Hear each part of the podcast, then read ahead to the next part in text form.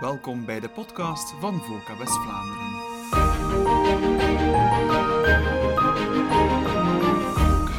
In deze podcast zullen we het hebben over innovatie. Daarom hebben we vandaag Stijn Ronse uitgenodigd. Hij is Operations Manager bij Capture en auteur van het boek Als de raket niet opgaat. Dag Stijn, kunt u zich kort even voorstellen? Hey, goedemiddag en uh, merci om mij te ontvangen. Uh, zoals u zegt, ik ben Stijn Ronse, uh, Operations Manager van het Capture-platform.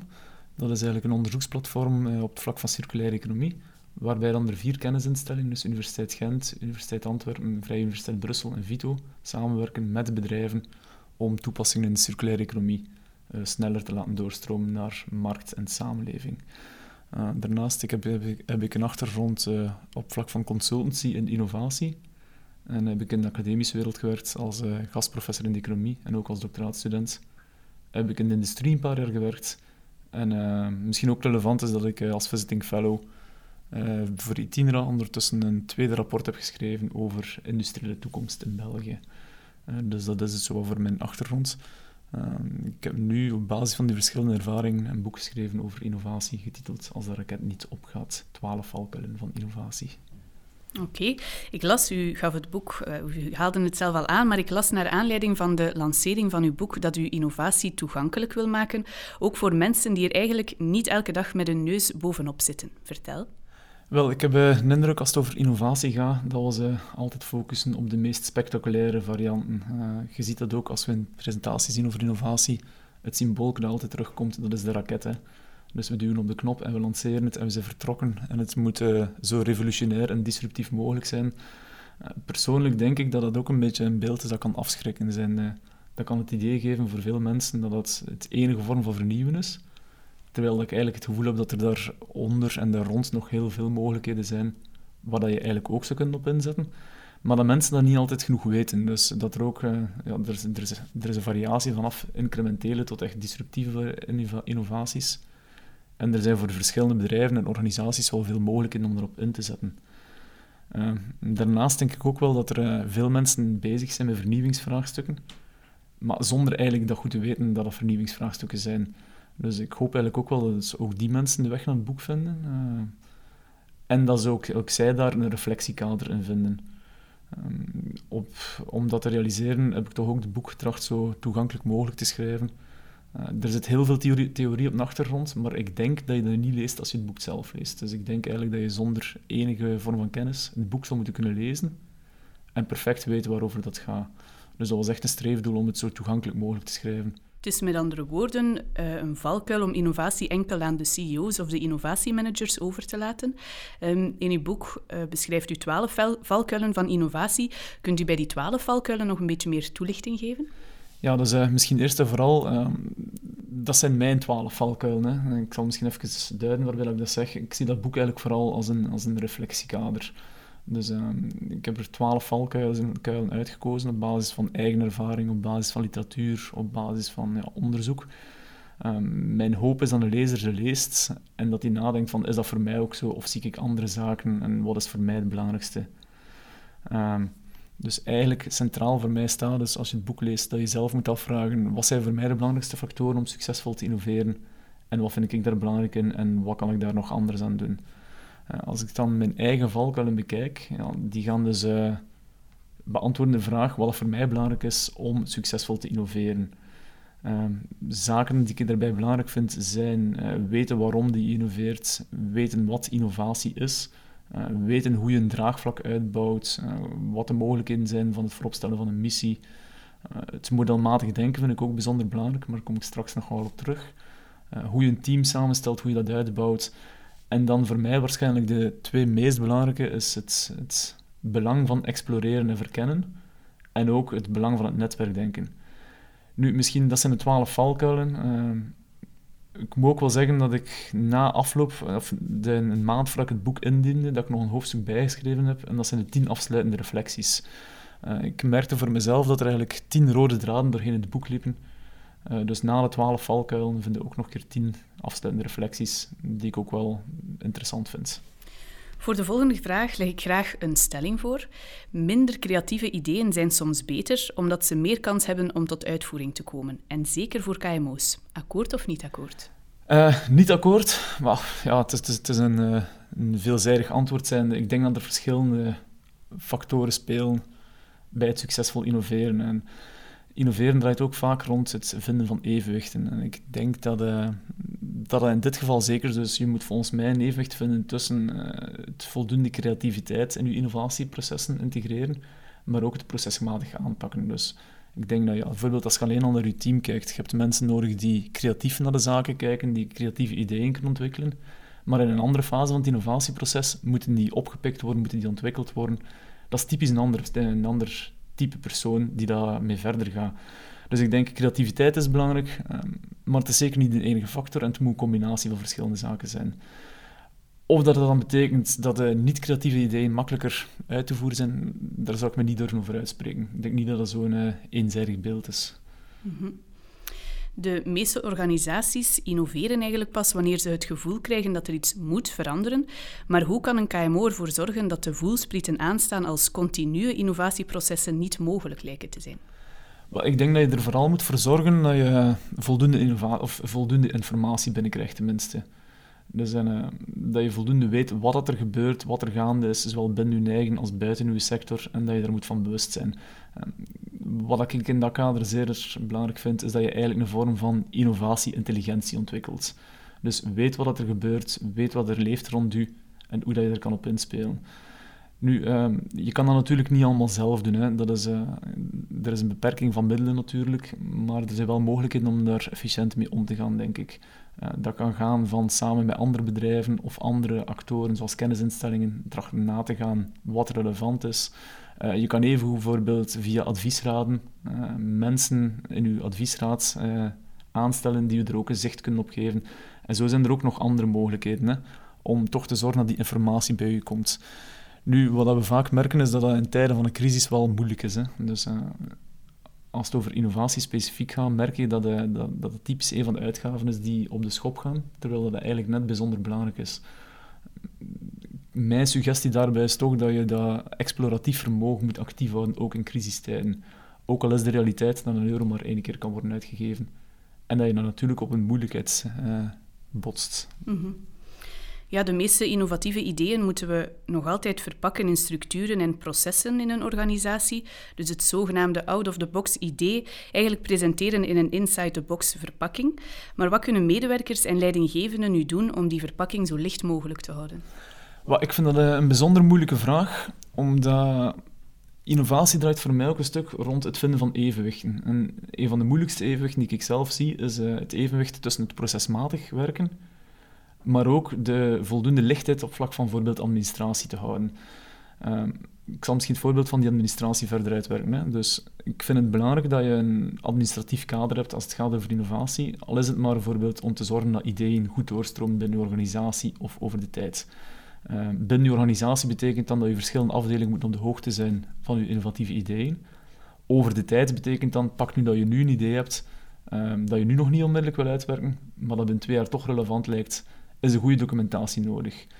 Nu, er tegenover staat natuurlijk wel, als je dat allemaal moet documenteren, dat het ook wel een extra hindernis kan zijn. Dus dat je medewerkers ook wel het gevoel kunnen krijgen dat het eigenlijk gewoon een last is dat erbij komt.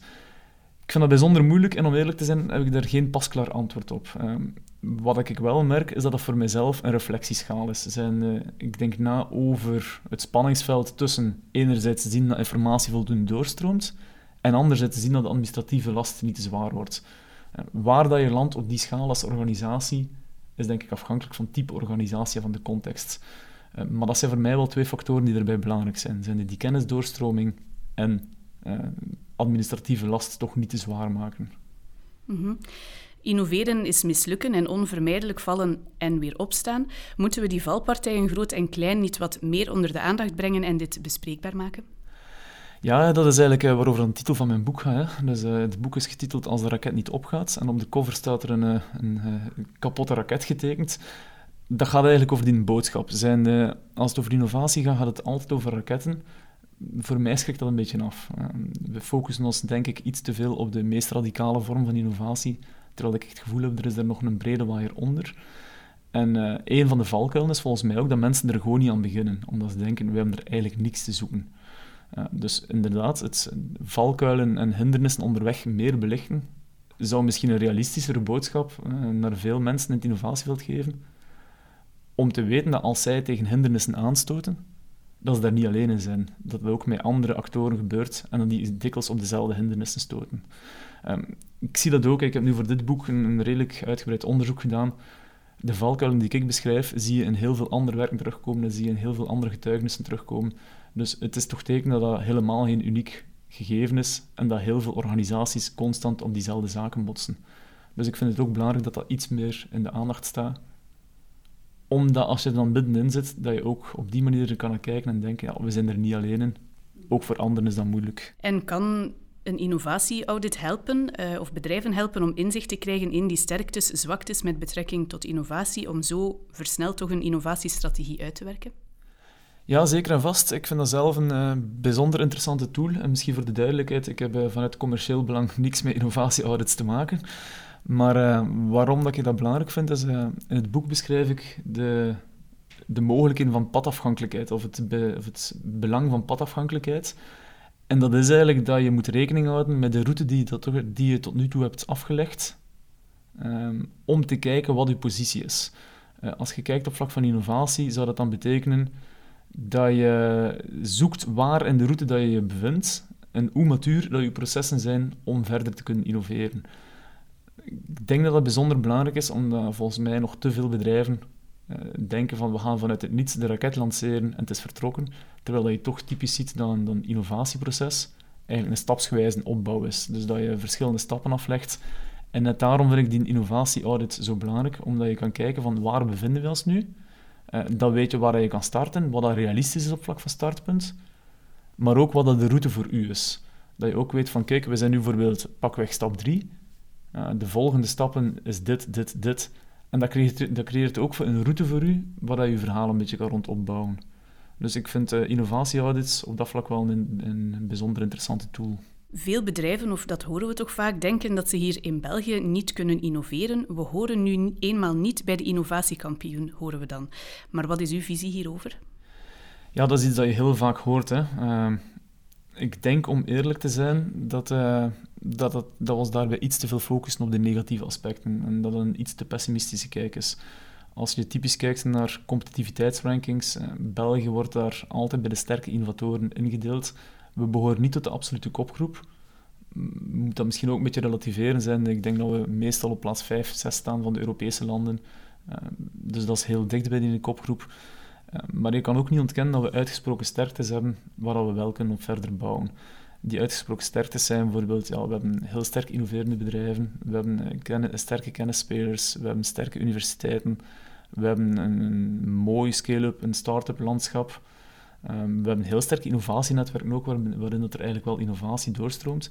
Ik denk toch dat dat allemaal zaken zijn waaraan je jezelf kan optrekken en waarvan je kan zeggen van misschien moeten we die meer gebruiken of nog meer gebruiken om succesvolle innovatieverhalen uit te bouwen. Nu, uh, ja, laat dat ook niet, niet naïef zijn. Het kan natuurlijk altijd beter, maar ik denk dat toch dat we voorbij moeten aan die, uh, aan die pessimistische boodschap dat het hier niet lukt. En dat is ook, want eigenlijk mijn boek is, is, draait vooral rond een innovatiemanagement perspectief, dus eigenlijk hoe dat je ermee aan de slag kan. Maar mijn tweede hoofdstuk is ook, uh, hier kunnen we ook innoveren. Dus dat beantwoordt eigenlijk echt die vraag ik weet dat dat eigenlijk een iets meer beleidsgericht perspectief is. Maar ik vond het wel belangrijk om dat er ook in te steken, om de context ook een beetje te kennen. Omdat je dan ook ziet van hoe dat wij aan het innoveren zijn, welke plaats geeft dat eigenlijk in het grotere geheel. Maar ik denk dat toch een positievere boodschap daar zeker op zijn plaats is. We hadden het in deze podcast al uitgebreid over sterktes, zwaktes en valkuilen. Zijn dat zaken waar ook u tijdens uw carrière al tegenaan liep? Ja, natuurlijk. Hè. Uh, ik heb daar straks al aangegeven dat het, uh, het, boek geschreven is vanuit eigen ervaring, maar ook op basis van literatuur, uh, wetenschappelijk werk, een combinatie daarvan.